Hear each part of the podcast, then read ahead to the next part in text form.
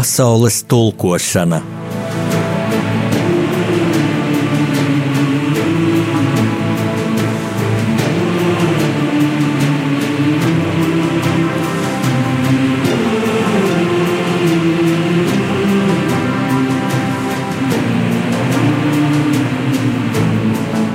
Studijā rakstnieks Jānis Udris.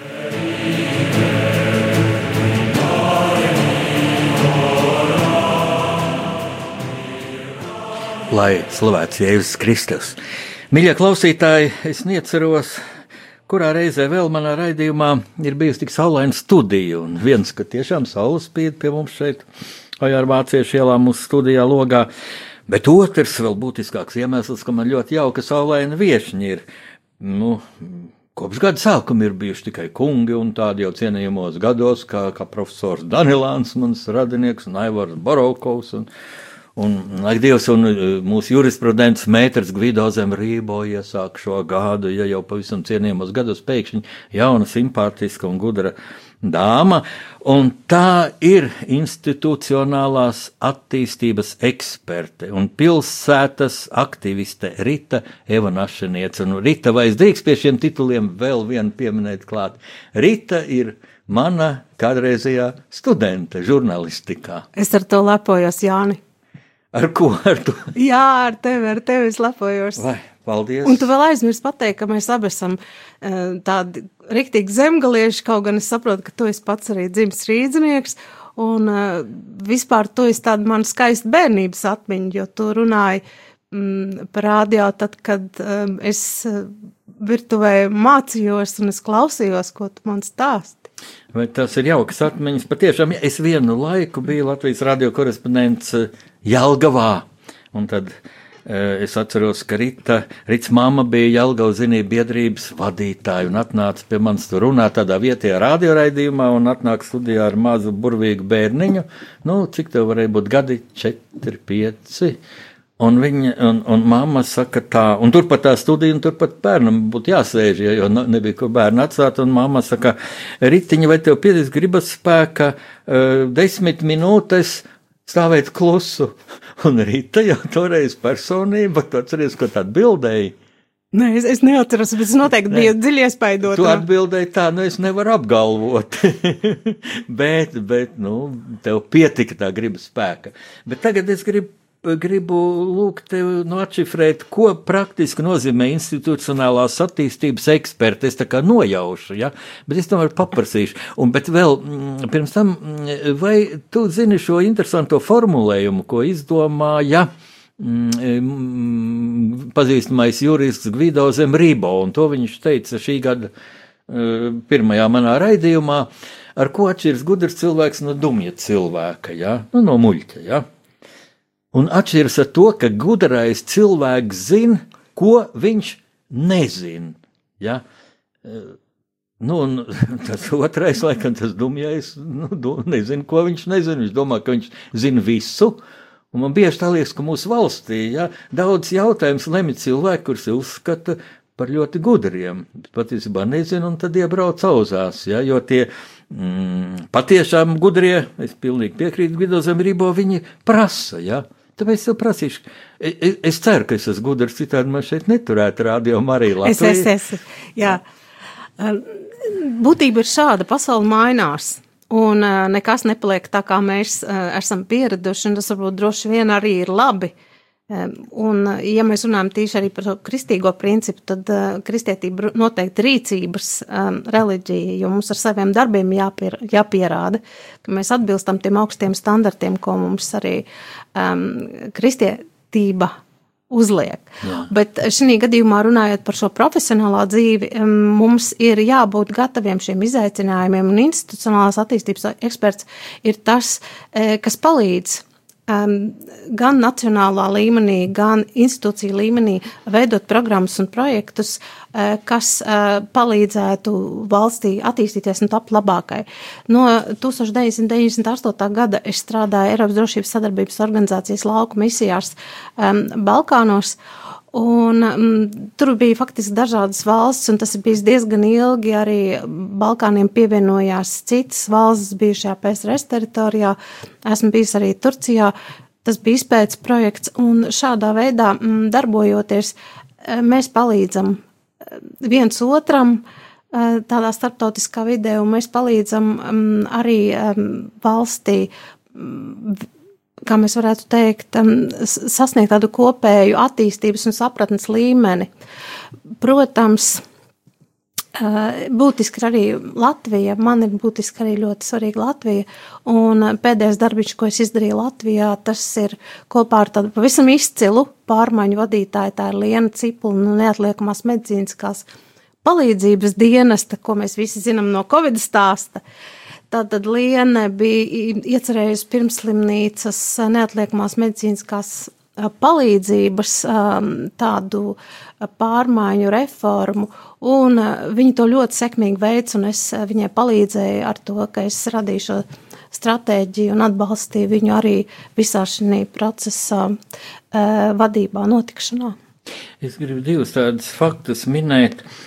Viens, tu minēji šīs starptautiskās misijas, un uh, es biju ļoti pārsteigts, cik tu esi fotogēniska un, un nu, es studiju laikā jau atceros, ka tu biji glīta meitene, bet pēc tam, kad bija studijas beigts, vienu laiku es nezināju, ko tu dari, studenti ir bijuši daudz, jau, pēkšņi es redzu televīziju, un tā bija reportāža no vienas no bijušajām Dienvidslāvijas republikām, tad, kad Dienvidslāvija sašķēlās un kur bija karš, ja, tā bija kara darbības zona, vai tā bija Bosnija, jā. un tu biji uh, karavīra, karavīra bruņu vestē, es kaut kādu bēbīšu bariņā un kaut kādas konfektes viņiem dalīja kaut tādu, nu, kā viņa ļoti mīlīga meitene, bet tev bija bruņu veste mugurā un ne jau modas pēc, domāju, ne, ne, bet tev lika, lika viņu uzvilkt, jo varēja šaut arī, ja. Eh, lūk, un es gribu teikt, tas bija bīstam viens, un otrs, ka tu kaut kā jau ļoti augstu prestīžu, ļoti jauna būdam ieguvu šajās starptautiskajās misijās, un kaut kā publiskajā telpā tu tā īpaši neesi, jo tu neesi politiķe, ja tu neesi aktrise, tu neesi, tev neliek žurnālu vākiem, lai gan tev varētu likt fotogēniski, bet mm, viens no taviem nesenajiem vēl darbiem bija, tu vadīji saimas spīkeri, zinārs mūrnieces biroju. Ja?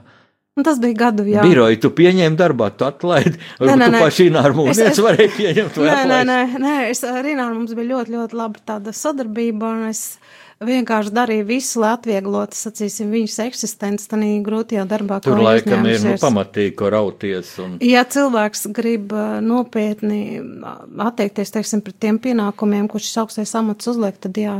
Un es domāju, ka viņi ir tas cilvēks, kuriem šis atbildības latiņa ļoti augsta, un viņi ļoti nopietni fokusējas, lai tas būtu. Un līdz ar to faktiski tai visai komandai ir jāstrādā tā, lai viņi arī to varētu izdarīt. Un tu, cik es sapratu, aizgāja mm, kādu personīgu iemeslu dēļ ģimenē, kaut es, kā nevarēja savienot. Jā, tas ko, ir tāds ļoti, ļoti labs jautājums, jo. Varbūt parasti... slikt strādāja, var padomāt, jā, jā. bet es nevaru iedomāties, ka tas slikt strādā. Nē, skaties, tu man pārāk labi domā, droši vien arī šī spēja man piemīt, bet konkrētajā gadījumā bija tā, jā, tev ir taisnība bieži, kad cilvēki aizbildinās uz šiem ģimenes apstākļiem, viņi faktiski nevar sadarboties. Un, teiksim, tas nebija mūsu gadījums. Es vienkārši sapratu, ka pie tās intensitātes, kā birojas strādā, un kā viņam būtu jāstrādā, un, un pie, tās, pie tās vajadzības, kas man ģimenē bija, un tas ir saistīts ar ļoti nopietnām veselības problēmām, kas bija ģimenes loceklim, kur tiešām man klātbūtne bija vajadzīga. Un es sapratu, ka tas nav savienojams. Būtībā, protams, man ir žēl, bet no vienas puses atkal dzīve turpinās un dzīve piedāvā jaunas iespējas. Visu laiku jau nāk tā šīs citas iespējas. Jauns iespējas, jauni izaicinājumi. Saki, e, tu vari tā formulēt, kas no šiem starptautiskajiem projektiem, e, projektiem Latvijai, kurš tev visvairāk tās sirdī ir iegūlies vai guļ pašu laiku? Nē, ja mēs runājam par Latviju, tad faktiski vienīgā tāda reālā institucionālā uh, stratēģija bija šī NMPD, uh, ko es darīju kopā ar Lieni. Atšifrē lūdzu, kā. Uh, Neatliekamās medicīniskās à. palīdzības dienas pirmslimnīcas um, etapam veltīta tāda funkciju stratēģija.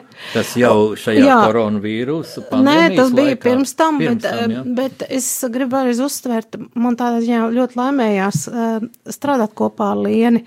Jo es biju Lienai arī biroja vadītāja, bet šī laikā faktiski es fokusējos šīs stratēģijas radīšanai.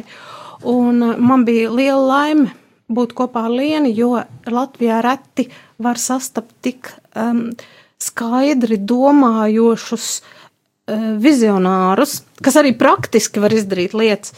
Un šī stratēģija bija tiešām interesanta. Parasti Labi, es neteikšu parasti, jo tas varbūt diskreditē arī to, ko es daru, bet bieži, diemžēl, gadās tā, ka tas, ko tu rādi kopā, pat, pat ja ar komandu tu strādā, to neizdodas um, realizēt vai to neizdodas realizēt pietiekam īsā laikā.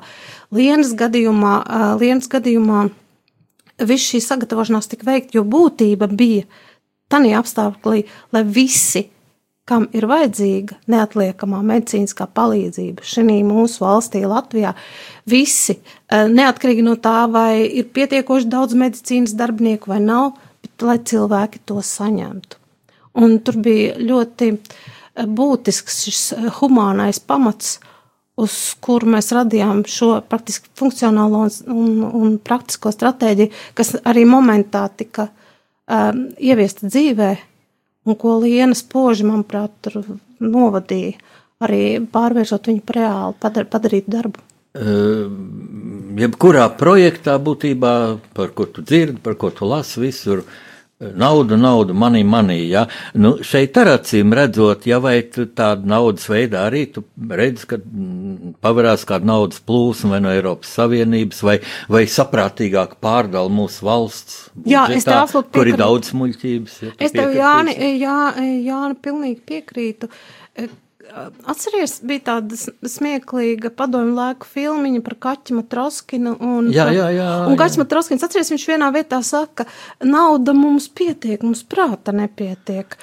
Starp citu, es brī, droši vien ar par šo filmiņu brīnies, ka padomju laikā, nu, bija cilvēki, kas dabūja cauri tādu smieklus par iekārtu, pie tam ļoti žultainas, kā šai gadījumā, ja, kaut vai Raikins bija, ka viņš parāda, parāda, pēc tam kaut ko viņam noņem. Un, un es ap šo mehānismu aprakstu savā visjaunākajā darbā, kas manuskriptā ir par Māru Čaklo romānā, ja, oh, ar divām bet brīvībām. Es pabeigšu domu, jā. Miekli par šo sistēmu viņu grāva. Nu, un tagad, tagad, tagad jau mēs nevaram smieties par savu valsti, vai varam tomēr, kā tu domā? Es izlasīju šo līdz galam. Stāsti, un, piedod, nē, nē, nē, nē, nē, tas bija fantastiski. Pie Māra Čaklā mēs noteikti vēl atgriezīsimies sarunas gājā. Bet um, eh, šī stratēģija neprasīja nekādu finansiālu papildus, eh, nekādu finanšu piepilināšanu, absolūti nekādu. Resursi nekādi netika prasīti, tas vienkārši bija ļoti veiksmīga organizatoriska sakārtošana. Un es domāju, tas ir tas veids, kā mums vispār šī valstī ir jādomā. Mums jāskatās, kādi ir mūsu resursi, un ļoti saprātīgi viņus jāizmanto. Tāda vienmēr, vienmēr kliekšana pēc papildus līdzekļiem arī pierāda faktiski, ka mēs nespējam normāli, profesionāli organizēt savu darbu. Jā, piedod. E, Arī tu piedod, ka es tev pārtraucu. Mēs abi esam labi audzināti. Tev būs bijis kāds labs skolotājs. Jā, bija tāds Jānis Udrs no Jāgaunas. Jā, Kā manā mamma teica, bija tāds jauns un talantīgs puisis, Jānis Udrs. Tagad tikai talantīgs. Tagad tikai talantīgs. Rita, zini, es uh, iepriekšējā raidījumā man bija Aivars Borokovs, ja, man viņš ļoti patīk, bet viņš, viņš tā lēni un tā pamatīgi runā, bet tad arī doma. Un, un, un es viņu sāku kaut kur tur slavēt un atgādināt ar tādas epizodes, man ļoti iekrit sirdī, ja, kaut kur un, un viņš saka, Jā, ne, tu zini, man sāk muguru niezēt, man saka, spārniņa aug. Es zinu, nu labāk, lai spārniņa nekā radziņa. Ja. Bet, zini, man par tevi ir tāds iespējas, nu es patiešām redzu, ja visi tavu projektu top kaut kur aiz kadra, nu, nu to neredz, un to arī īpaši nelielies, un pat tu nebūtu nākusi studijās, nebūtu aicinājis, bet cilvēkiem to ir jāzina. Tāds pozitīvs piemērs. Un tagad daudz staigā no kārtiem deguniem, tu smaidīga, ja, un um, Un man radās tāds iespējas arī Facebookā sekojot, ja, pēkšņi tu parādies ar, ar šito sejas masku, ja tu pat bijuši būs. Es šodien nopirku salas pils aptiekā. Vai Ķīnas ražojumu. Zila un piestāv pie krakla. Zila pie krakla. tad man uzlikt, bet tad skaņa nebūs traucēta, ja. E, nu, it kā man nevajag, es ar savu mašīnu atbraucu, šajā autobusā nebraucu un tā. Es, es vienmēr uzsveru raidījumos, ka, ja ir ārkārtas saukli, viņi ir jāievēro. Ja pat, ja liekas, ka pārspīlēt un kaut kur tā, bet man radās tāds iespējas, ka te, tu tā nedara lieli darbi vai mazi darbi, es lasu pēkšņi, ka tu esi brīvprātīgā telefonu pieņemšanas centrālē, ja kur piesakās uz šiem Covid. E, Kā tur bija tā vīrusa testiem, ja pareizi. Nu tā, jā, tā Pie karjera. telefona ļoti garlaicīgs tāds, it kā darba, man tā liekas, bet kādam tas jādara, un tur pēkšņi rita. Starptautiski pieredzējusi gudrā rita. Jā, Tas ir racionāli, Tā, tas, tas, tas bija tāda, man tā karjera reģistrācijā bija īsa, jo pēc kāda laika mums faktiski to reģistrāciju pārņēma um, cits dienests. Bet jā, es tur, tā teikt, varonīgi nedēļu nu, nosēdēju un, un, un, un nebūtu nebija slikti. Arī varēja pavingrināt angļodas zināšanas, jo tas pavisam vienkārši pienākums, vienkārši bija būtiski mazliet atšķirot un saprast, kuriem tad ir jāiz to Covid analīzi, kuriem nav. Eh, Bet laikam es jau biju tāda ļoti liberāla un daudz tika piezvanot man uz to Covid telpu pārbaudīties. Es lasu, jā, ka tu tur. Mm, Bet tas nebija tāds variants. tos zvanītājus, un tu ļoti slavēji liepājas vīriešus, ka viņi tā ļoti toleranti piezvan, saka, jums jau tur droši vien šausmīgi daudz darba un tā, un ka viņi nobeidz sarunu atkal, nu, tā lai jums veicas. Kaut kā tā tieši liepainieki, ja tie, tie brašākie bija. Jā, bet pēc tam, kā izrādījās šie laipnie zvanītāji, um, vismaz viens no viņiem bija liepājis zobārsts, kurš bija arī aplaidis un inficējis savus, savus pacientus, vismaz pāris ar šo Oj, covid. oj, jā. Nu, to nevarētu jokoties Jā, ar tādām bet lietām. tā kā jā. ar manierēm tur viss bija kārtībā, bet varbūt nebija tik labi ar to profesionālo attieksmi. Nu, Te ir ko padomāt, ja, bet tikai es vienu faktu vēl gribēju pateikt. Kā tu domā šis koronavīrus, jā, un šī pandēmija mm, cilvēkiem, ja mēs ļoti daudz par to runājam, ja it kā jārunā ir, bet varbūt tikai tad, kad var kādu pievienoto vērtību pateikt, un, un es atklāju vienu lietu, rakstot savu jauno nu, astoto grāmatu, Mārcis Šaklais, devītā jau grāmata, kas tūlīt iznāks par Ivānu Kaju, sievietes dzelme. Um, es atklāju, ka mēnesī, kad tika dibināta Latvijas valsts, 18. gada novembrī bija pats epicentrs spāņu gripai, kas bija pārņēmusi ar ko bija inficēta trešā daļa cilvēces, 500 miljoni, un uz planētas bija pusotrs miljards, tik četreiz, ne, nu jā, mazāk kā tagad. Un cik tur no viņas mira, nu katrā ziņā apmēram 5% no cilvēces. Un Rīgā, nu tajā laikā, nu Vācu okupācijas vara dibina Latvijas valsts, nāk virsū sarkanā armija, nu pilnīgs haoss politisks, ja, vai nu, situācija traģiska, bet iereģistrēti nu, 3000 saslimušo Rīgā. Mhm. Tas vairāk kā tagad. Un šī spāņu gripa bija ļoti bīstama, jo Liepā jau uz kuru dabūja atkāpties Kārls Ulmans 19. gada sākumā. Strāto, jā. 82 cilvēki nomira. Frits Bārds, dzēnieks arī ja, nomira tieši no šīs spāņu gripas. Un tas vēl iedomājas tād, tād, tād, tāds vēstures paradoks. Lūk, aprīlī vācu virsnieku puķis, ja, Ulmans glābis ar atomu, jo viņš, ja tas puķis nebūtu, varbūt viņš palikt krastā un varbūt viņš būtu inficējies. Un, bet tas joks tas, ka cilvēki jau to nezināja. Nu, vienkārši, nu, mirst, nu, mirst, ja nebija taču informācijas, telefonu nebija, nerunājot par radio, par televīziju, par internetu, ja. Bet mēs izturējām, tā labā vēsts, ka mēs pat izturējām nezinot, ja. Tad tagad, zinot, mums daudz vairāk ir jānovērtē, es domāju, tas, nu, faktiski, cik daudz mēs upurējam, gan ekonomiku, gan. Taču arī citi cilvēki, kas ir no onkoloģiskas slimiem, nu, tos laikam pieņem, kas ir kritiski, ja, bet kam ir kaut kāda dinamiskā novērošana, riska grupa, viņas nepieņem tagad, ja. Dažs labs var arī mm. nomirt, nu. Tā kā šie upuri, Kā tu domā, kas būtu? Mēs tā runājam, nu, mēs draudzīgāk, kad sirsnīgāk iziesim no tā, nu, dod Dievs, ja, bet galvenais, man liekas, gudrākiem tās mācības un arī izanalizēt, vai šie visi pasākumi bija tā vajadzīgi. Varbūt zviedri gudrāk tiks cauri, jo viņi netik stingri, ja. Nu, kāds tavs viedoklis? Tavs viedais sievietes viedoklis, es vienmēr, ja tu uzmanīgi lasi manas grāmatas, vienmēr uzsver, ka sieviete kaut kā dziļāk redz. Vīrieši vairāk ar tā ar prātu, bet sieviete ar dvēseli. Nu, es laikam vairāk tā kā vīrietis, es ar prātu. Ui, ui, ui. Jo redzi, Nu, labi, saka ar prātu. Jo redzi, Jāni, tu ļoti pareizi īstenībā teici, šobrīd ir tāda situācija, es pieņemu, ka jāpilda šie nosacījumi, kas mums ir izvirzīti. Um, īstenībā es tev nevaru atbildēt, es baidos, ka tev pri epidemiolo- epidemiologi nevarēs konkrēti atbildēt, vai šis izvēlētais ceļš ir pareizs, un ekonomistiskiem- ekonomistiem noteikti būs vēl vairāk iebildumu par šo ceļu. Bet ir tāds, um, tāds uh, termins kā sociālais konstrukts un īstenībā sociālais līgums. Es ļoti atvainojos, sociālais līgums. Pēc būtības mēs esam vienojušies, ka mēs šobrīd darām tā. Un būtu būtiski, lai mēs to saprastu un viens otram netraucētu. Bet, protams, ir jāskatās ļoti vērīgi, vai mēs uh, izlējot, izņemot bērnu no vannītes, mēs viņu vienkārši neizlējam kopā ar ūdeni. Es tur to, es pilnīgi piekrītu, jo jautājums par eh, nāvi nav tikai par šo fizisko nāvi vienu vīrusu ietvaros, bet par visām sekām, kas ir kopējās sekas. Šobrīd es personīgi atbalstu to sociālo līgumu, kas mums ir. Mēs paši izolējamies, mēs esam organizēti, mēs esam kārtīgi.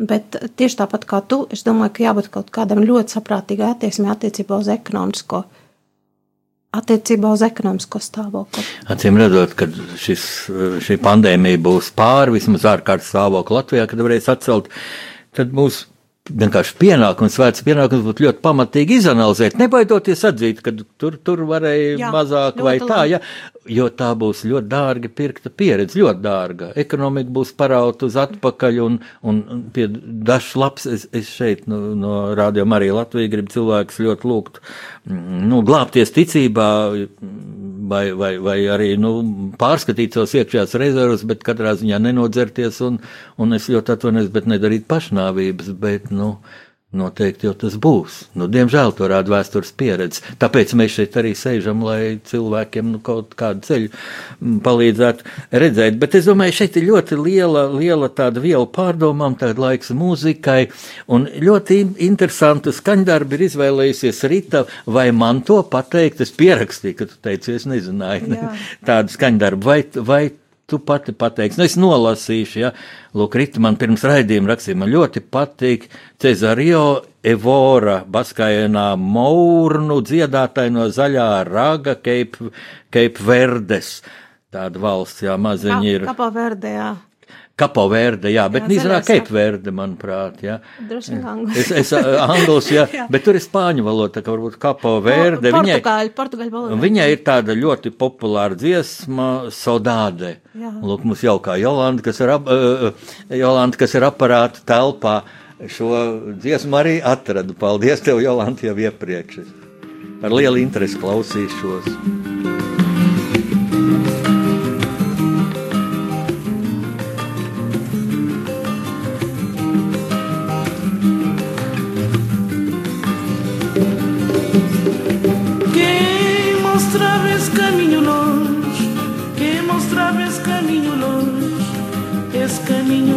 santo nem.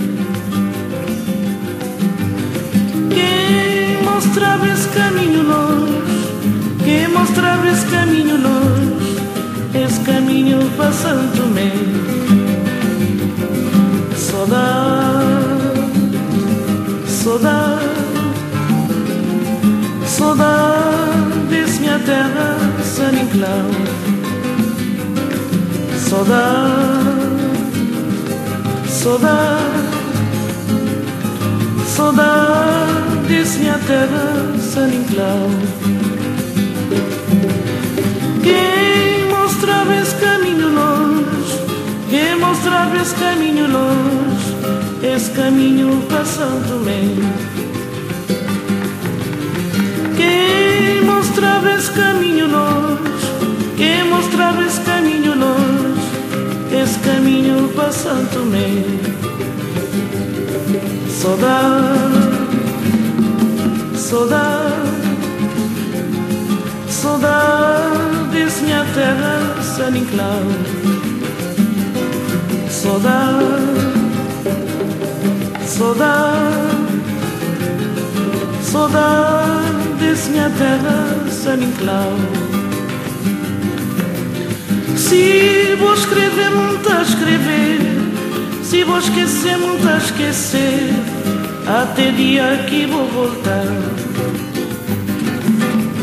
Se vou escrever, a escrever. Se vou esquecer, a esquecer. Até dia que vou voltar. Saudade, saudade, saudade desse minha terra,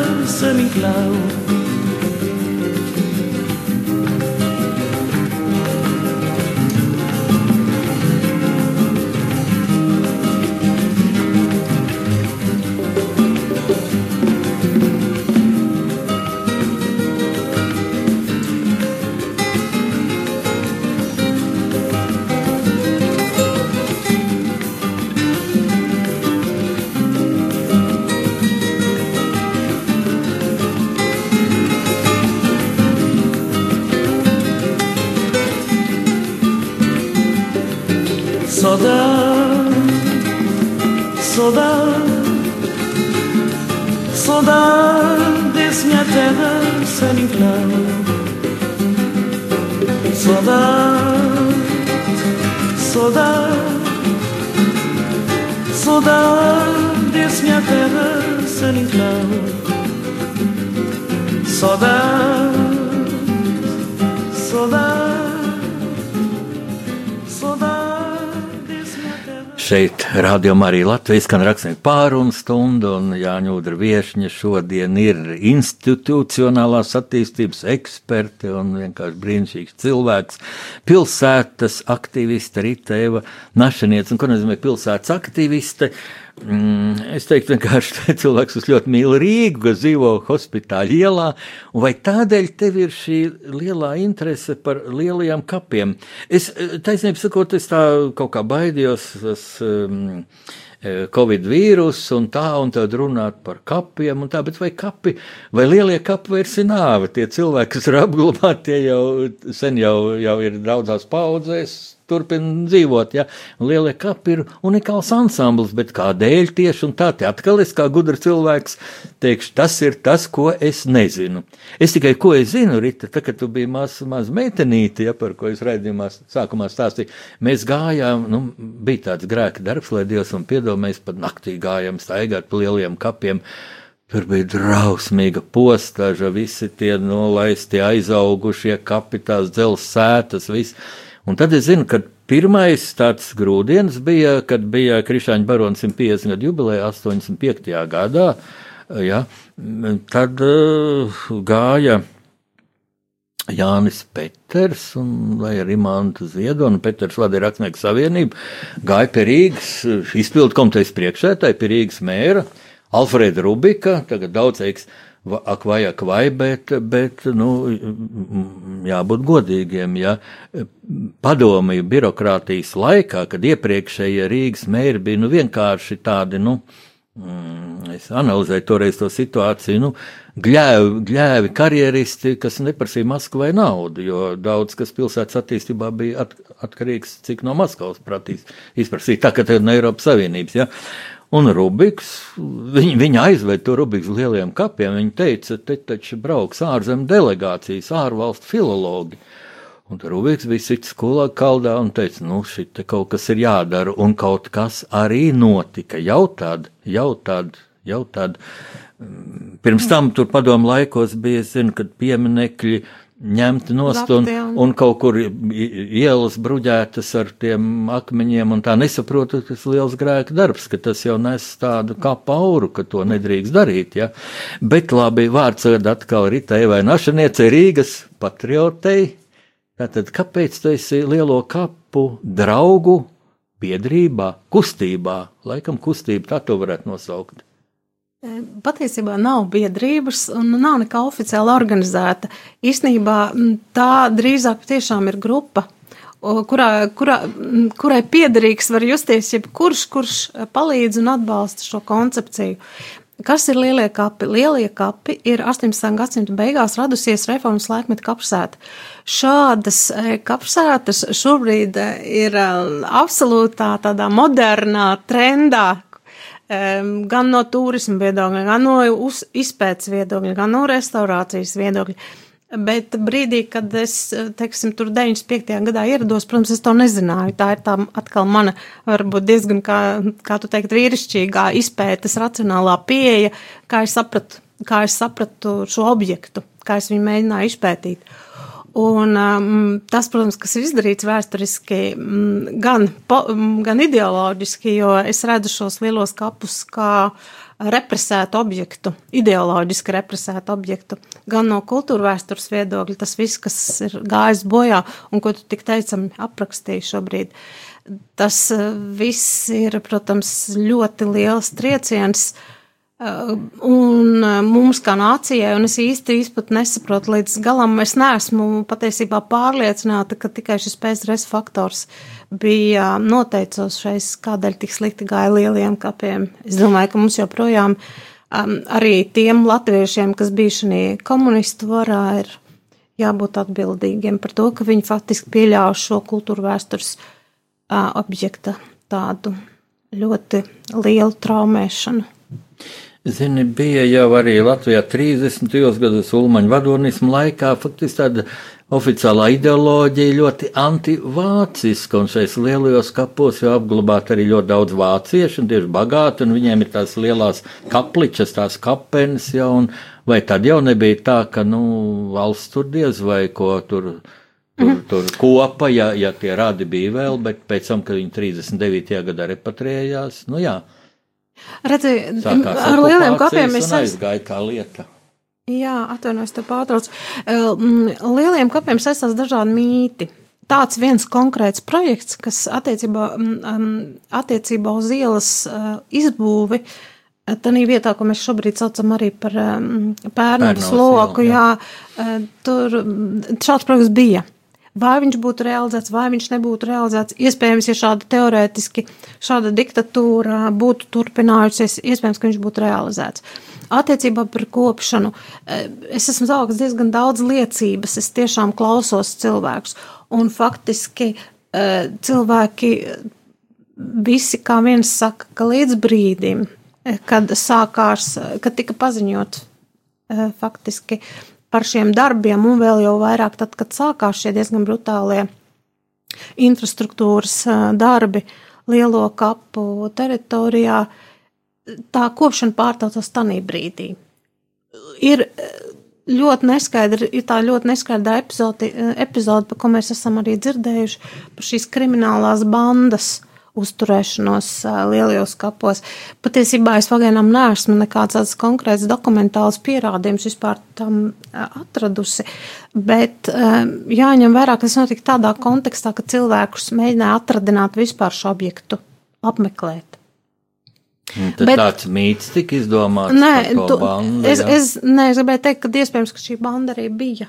Un tas patiešām um, radīja. Nu, ir tādas cilvēku... liecības, ka tur pat bija apšauts ar bandītiem un, jā, un, un miliciju. Jā, jā, jā, mēs īsti nezinām. Ir kaut kādas lietas, ko mēs īstenībā nezinām, un cilvēks varētu pastāstīt vairāk, viņi ir miruši, vai arī viņi stāst šos nostāts jau otrajā un trešajā tādā pārstāstā. Attiecībā par to, vai tie ir vācu kapi, atbildi es vēlreiz saku, specifiski esmu skatījusies gan kapu grāmatās, gan statistiku. Viņi nekādīgi nevarēja būt, un arī kapu grāmatas noliecina vācu kapi. Tās, kas neapšaubāmi bija, bija šie lielie kapu mauzoleji, e, ko varēja uzbūvēt cilvēki ar ļoti lielām naudām, un kur ģimenēs arī bija tradīcija dzīves laikā uzbūvēt šo mauzoleju tālākā paudžu lietošanai. Jā, tie ir vācu mauzoleji. Latvieši tur Bet nav. Kaut latviešiem mazu, jau arī 19. gadsimtā radās bagātnieki, kas varētu atļaut. Lielajos kapos ir ļoti daudz, jā, iespaidīgu abedījumu, bet mauzolē ir tanī laika periodā radīti, tas ir 19. gadsimta vidus, kad latvieši vēl akumulēja bagātību. Un, jā, ļoti pareizi pasaki, starp 19 un 20 gadsimtu jau bija izveidojušās ļoti ietekmīgas un bagātas um, latviešu ģimenes, bet viņi iz, izvēlējās to modernāko uh, vizuālo dizainu kapu. Mēs visi zinām Berga pieminekli, mhm. atceries vai ne, tā Berga piemineklis. Mm, un šis uh, piemineklis bija pietiekami skaists, viņš ir iespaidīgs, bet viņš neiet arī arhaiskajā mauzoleja uh, tradīcijā. Viņš ir vairāk tāds pilsonisks. Visi redz, ok, cilvēkiem ir nauda, ģimenei ir nauda, bet viņiem arī ir uh, mēra sajūta, un viņi ne, neveido dominantu lielu objektu, uh, kas tā pārmērīgi ietek, ietekmētu apmeklētāju un radītu tādu pārmērīgu varas sajūtu. Jā, saki, Kas šobrīd eh, šos lielos kapus visvairāk apdraud? Nu, bija šis tramvaja projekts, ja eh, sabiedrība bija pret. Es saprotu, ka jūs lielo kapu šī draugu grupa bijāt pret. Jūs tā kā esat guvuši uzvaru, vai jo tur bija skaidrs, nu, tur bija skaidrs, tā schēma jau ir zināma, ja palaist caur lielajiem kapiem tur uz attiecīgi, kā to rajonu sauc, ja, eh, Skanses, Skanses rajonu, ja, labu transportu un tā, lai lai e, tad abos gabali būtu dārgi, un tad, lai tur būtu dārgas mājas, dārgi dzīvokļi un tā. Nevis, teiksim, palaist e, tramvaju kaut kur uz pļauniekiem, kur, kur, kur jau vajag, ir jā. mājas, kur jau cilvēki dzīvo un, un spiežās pārpildītos autobusos, trolejbusos. Jā, skaidrs, ja tur vairs tā nauda nenāks, jo visi dzīvokļi tur jau ir nopirkti un izīrēti un tā, jā. Jūs uzvarējāt tur vai vēl aizvien iet šis te? Šī spēlīte, jā, ļoti skaidrā. Šo konkrēto um, projektu nu, mēs tā teikt apturējām, jā, kopā, bet tas bija diezgan sarežģīts, um, arī sarežģīti organizēts process, kur, ko mēs nevaram pies, piesavināt Lauras tikai sev, kā lielo kapu draugi. Tur tika iesaistīti cilvēki Briselē, um, cilvēki, kam bija kontakti um, ar attiecīgiem Eiropas fondiem. Uh, kur uzrādīja, ka šis projekts patiesībā satur diezgan daudz maldinošus, maldinošas informācijas. Sabiedrībā mēs strādājām atkal uz šo viedokli, kas arī bija patiesa, bet ko daudz nezināja ka nekāda sabiedriska apspriešana nav notikusi šim projektam. Un pēc būtības apkaimē atkal tika komunicēts tas, kas atkal atbilda patiesībai, ka mēs runājam par atkal lielāku maģistrālu ceļa paplašināšanu diezgan apdzīvot apkaimē, kur tomēr cilvēki noraizējušies eh, par dzīves kvalitāti. Jo, nu, centrā dzīvojot, Rīgas centrā dzīvojot, tu ļoti ciet no šāda veida projektiem, kas samazina koku daudzumu, samazina zaļo zonu, paplašina ielu jau no, teiksim, no mūra līdz mūrim un rada visas tādas nedraudzīgu atmosfēru Rīgas centrā, kas jau tā paliek aizvien depopulētāks, aizvien tukšāks un pilsēta centrs, kā, centrs pilsētā nedrīkst iet bojā, un tā varbūt arī ir tā problēma, tāda ļoti ne, nesaprātīgo Rīgas domas saimniekošanu, eh, kas bija, teiksim, šī laikā, kas diezgan sāpīgi atsaucās uz to, kā cilvēki jutās centrā un kāpēc viņi faktiski no centra aizgāja uz piepilsētām. Man tikko radās viena tāda doma, tāda pārlaicīga, bet es viņu paturēšu pie sevis. Paklausīsimies tādu otru dziesmu, ko arī Rīta Eva izvēlējās, un, uh, un pēc tam atsāksim sarunu, cik vēl atlikušas minūtes būs ar šo manu domu, ja? Tā, lūdzu, Jolanta. Zem raturi tenie zem pakaviem, zem dzelžu pēdām.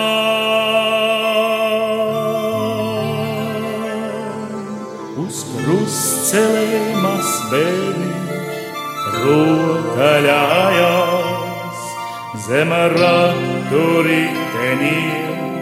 zem pakaviem, zem dzelžu pēdām.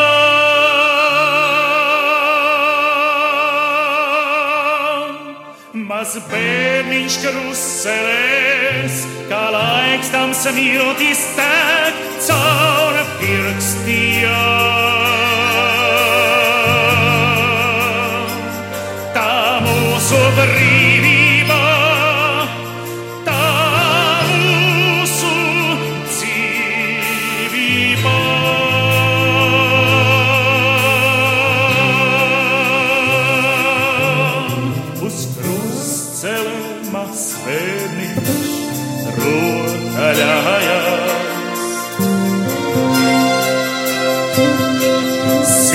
Man droša, jo tangars tavs draugs.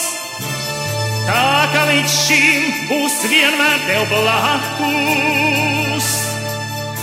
Uz krustcelēm maz bērniņš rotaļājās.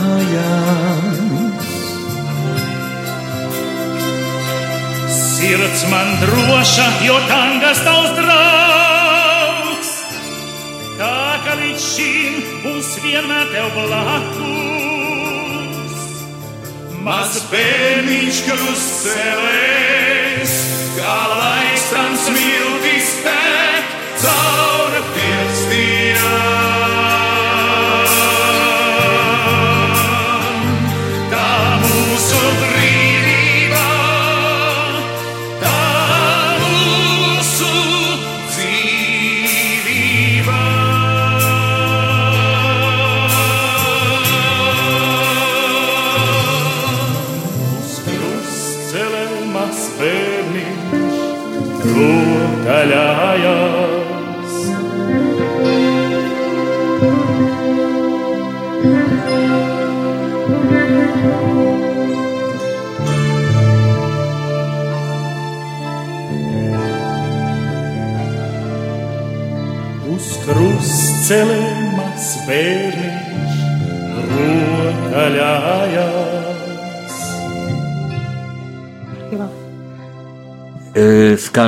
Radio Marija Latvija, raidījums rakstnieks pārunu stunda, un man viešņi ir Itēva Našaniec. Mēs runājam par lielajiem kapiem, bet tā ir tāda saulaina saruna, nu, būtībā, kas lielie, par, lielie kapi šodien, ja tas ir Rīgas rota būtībā, ja. Es zinu, vakar tieši braucu no vienas solmītes pie otras solmītes, no Matīs kapiem uz meža kapiem un pa šo pašu pērnās ielu pāri tātad, kur bija lielie kapi, un tad mm. pa mieru ielu nogriežoties stāvēja lielā sastrēguma jau brasus viaduktu remontē, un, un domāju tieši par tevi, un kā tu tur darbojies, un tu cīnies arī tad pa brasas āleju, ja, veco koku āleju, ka tur grib viņu izcirst, un, un kāda, kāpēc, un atkal kaut kāda cilvēka muļķība, kaut kāda pelēcīga ierēģņa muļķība. Faktiski ir divas alējas. Viena ir ierēģņu alēja, kurai mm, klājas ļoti labi, kur mums um, pirmdien jau mēs turpināsim darbus uh, Covid atļautajā attālumā un dažādos laikos. Tur būs tāda ļoti smuka alēja. Maskām, jā. jā, un tur būs uh, smuki, smuki sastādīts puķis kastēs, un tad ir apdraudēta alēja. Alēja, ap, kas ir apdraudēta pie brasas pārvada.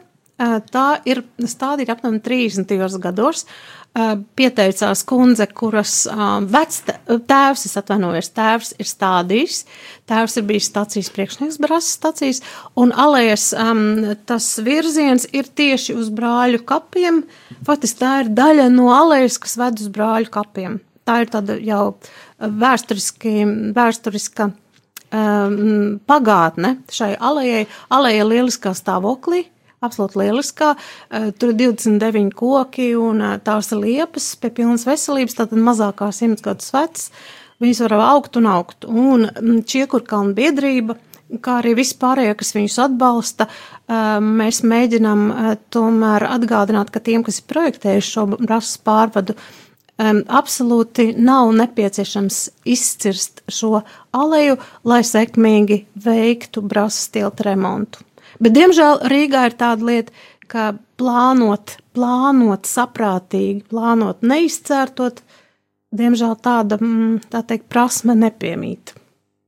Jā, tu zini, ka par koku aizstāvēšanu mēs runājam. Man nāk prātā man pēdējā tikšanās ar Džemu Skulmu, jā, lai viņai tur gaišu debesīs ir. Arī sakrā ar manu romānu par Ivānu Kaju, viņas bija radinieces, jā. Nu jā, e, kā tur bija Džema, tā tad Ivāna Kaja bija Džemas Kulmes vecās mammas brāļa Feliksa Lūkina.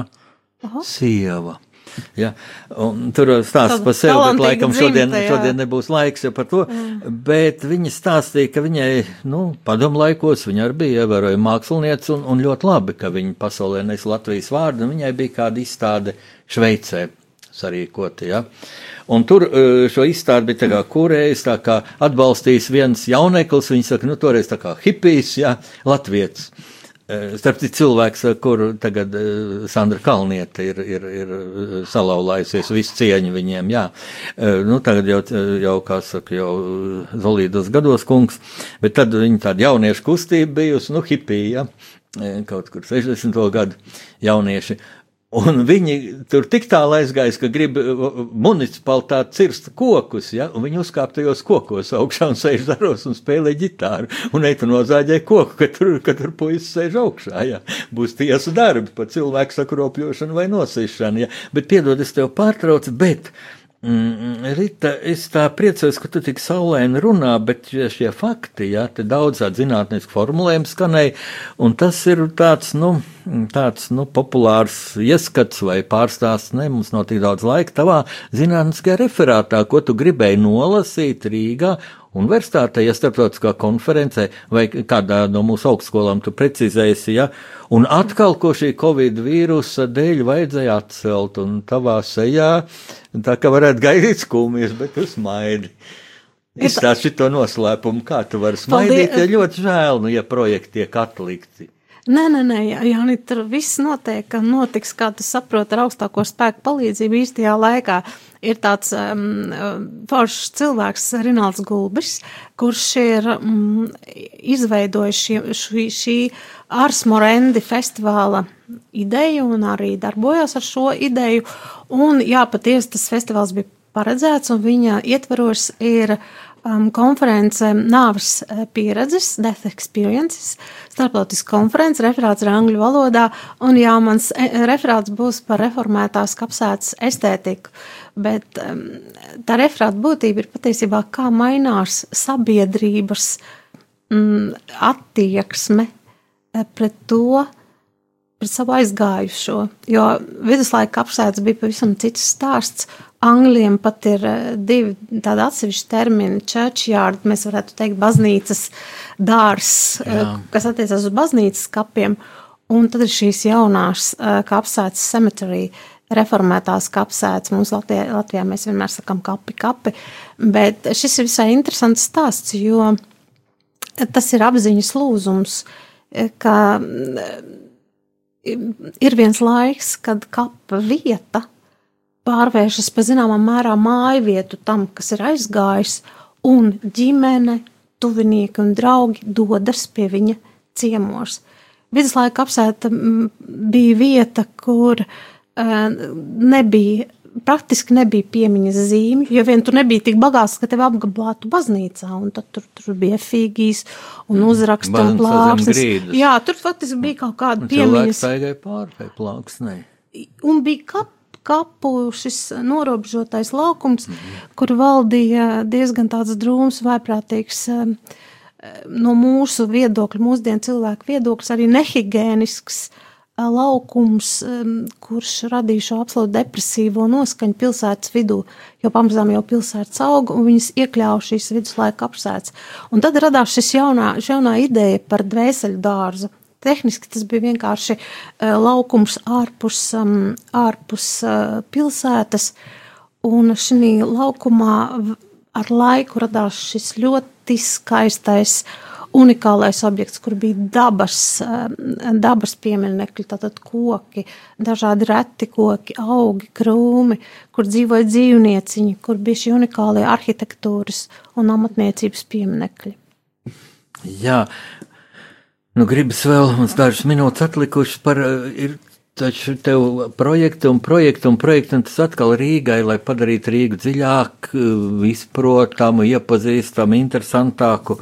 Rakstlūk ekskursiju Brasas cietumā, ja, Cietums un eh, hospitāls, jā. Un kara hospitāli, tu dzīvo hospitāli ielā. Jā, hospitāli. hospit- Tas tādēļ, ja tas jau ir, tādēļ to ielu tā sauc, ja. Bet Brasas cietumā tas ir, nu, kā viņi sauc, termiņu cietums laikam, un Jā. sieviešu cietums viņš ir bijis pirms kara, un tagad tur, laikam, tad nav vairāk Jā, cietums. jā, es tiešām tevi cienu, jo tu pieeji kā vēsturnieks. Tu tiešām esi paskatījies jau pirms šīs sarunas, ka Brāzas cietums ir unikāls vēsturisks objekts. Un tieši tas pats ir ar hospitāli. Un eh, mans mērķis ar šīm ekskursijām bija atvērt šos slēgtos objektus un cilvēkiem dot šo iespēju iepazīt savu vidi apkārt. Zini, tā kā dzīvnieciņi izpēta savu teritoriju, tā man liekas arī tam brasas iedzīvotājiem ir jāsaprot, ka viņiem ir lielie kapi, hospitālis, unikālais šis cietums, kas arī īstenībā ir interesants objekts, un viņš to pārzina.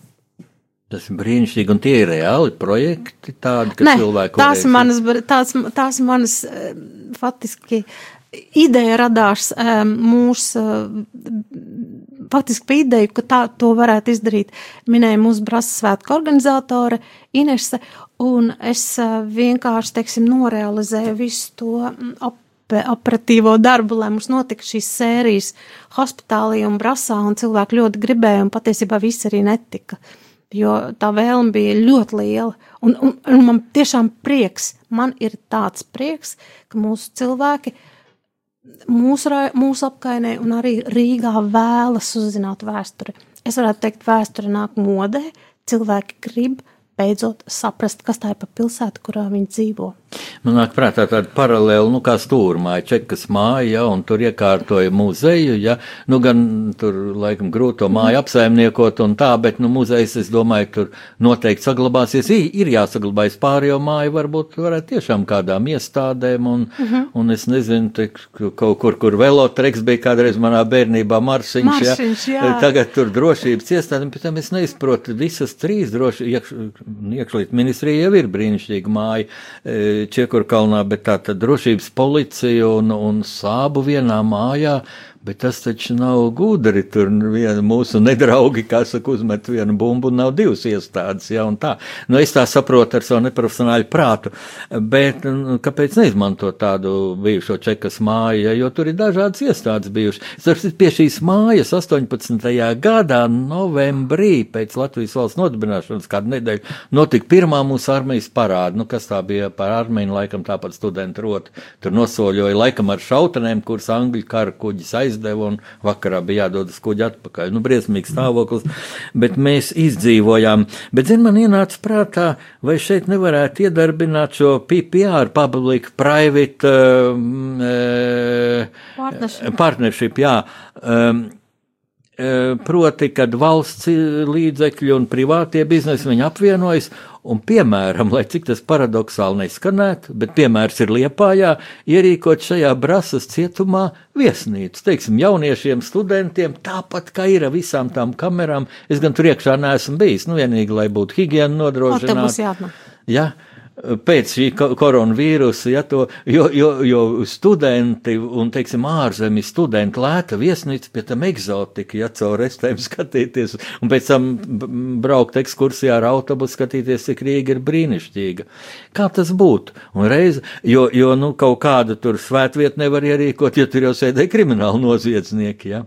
Bet es atceros padomu laikā, es intervēju vienu vecu tanti, kura bija sēdējusi cietumā nu, par politisko darbību. Ja?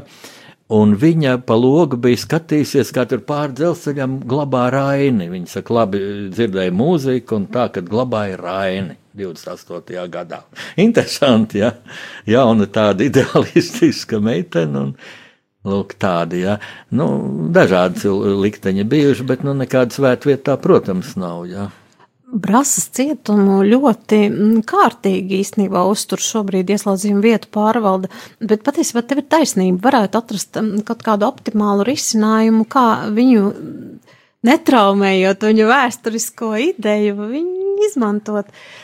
Bet šobrīd viņš ir ļoti interesants, kā ekskursija objekts, viņš ir ļoti interesants. Žēl, ka ir šis vīrus, droši vien, ka viņš beigsies. Es tiešām ceru, eh, ka mēs vēl pavadāsim cilvēks, ka tu arī atnāksi. Jā, nu mums brīnišķīga saruna, eh, saruna brīnišķīgs nobeigums arī ar nākotnes Es tev projektu, uzaicinu uz jā. cietumu. es, es vienmēr smējos, mums nav ne tauriņu mājas, ne operas mūsu apkaimē, mums ir cietums, kā arī hospitāls un kapi. Jā, bet to arī var pārvērst tādā jautrā nu, izklaidē un reizē izglītojošā. Ja Jā, tā jā, tad, jā. mīļie klausītāji, nu jūs jau dzirdējāt, ka man bija ļoti šarmanta viešņa, jā, un tādā ļoti gudrā formulējumā es pieteicu un arī nobeigšu institucionālās Attīstības eksperta, pilsētas aktivists vai, vienkārši sakot Rīgas patri, Vienkārši patri, Rita. patriota. Vienkārši Rita. Vienkārši Rita, Eva Našeniece, vienkārši un nesatricināmi, un man bija šī studenta, bet redz, ka nekas ļauns ar tevi nav noticis. Paldies, no tā. Jāni. Tas bija tāds prieks tev redzēt. Jā, paldies, Rita, ar dievpalīgi, mīļie klausītāji. Es ceru, ka jūs gribat ar Ritu vēlreiz tikties. Nu, vasarā tas mums būs pārtraukums rādījumam arī Latviju kolektīvam, bet pēc tam. Es ceru, ka mēs atkal tiksimies, un tad jau tu varēsi par tiem nākotnes projektiem stāstīt jau kā par realitāti. Ja? Ar dievpalīgu, Rita, lai Ar dievpalīgu Jāni Leveicas.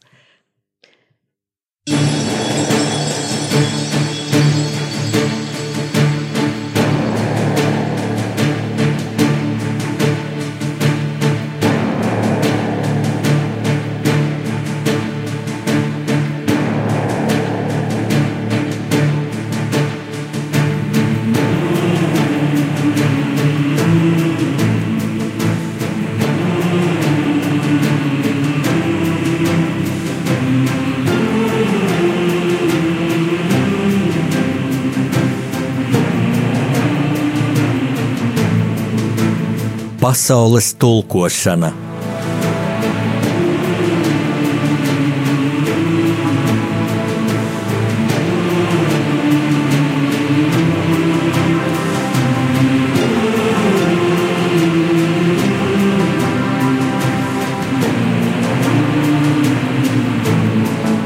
Studijā rakstnieks Jānis Udris.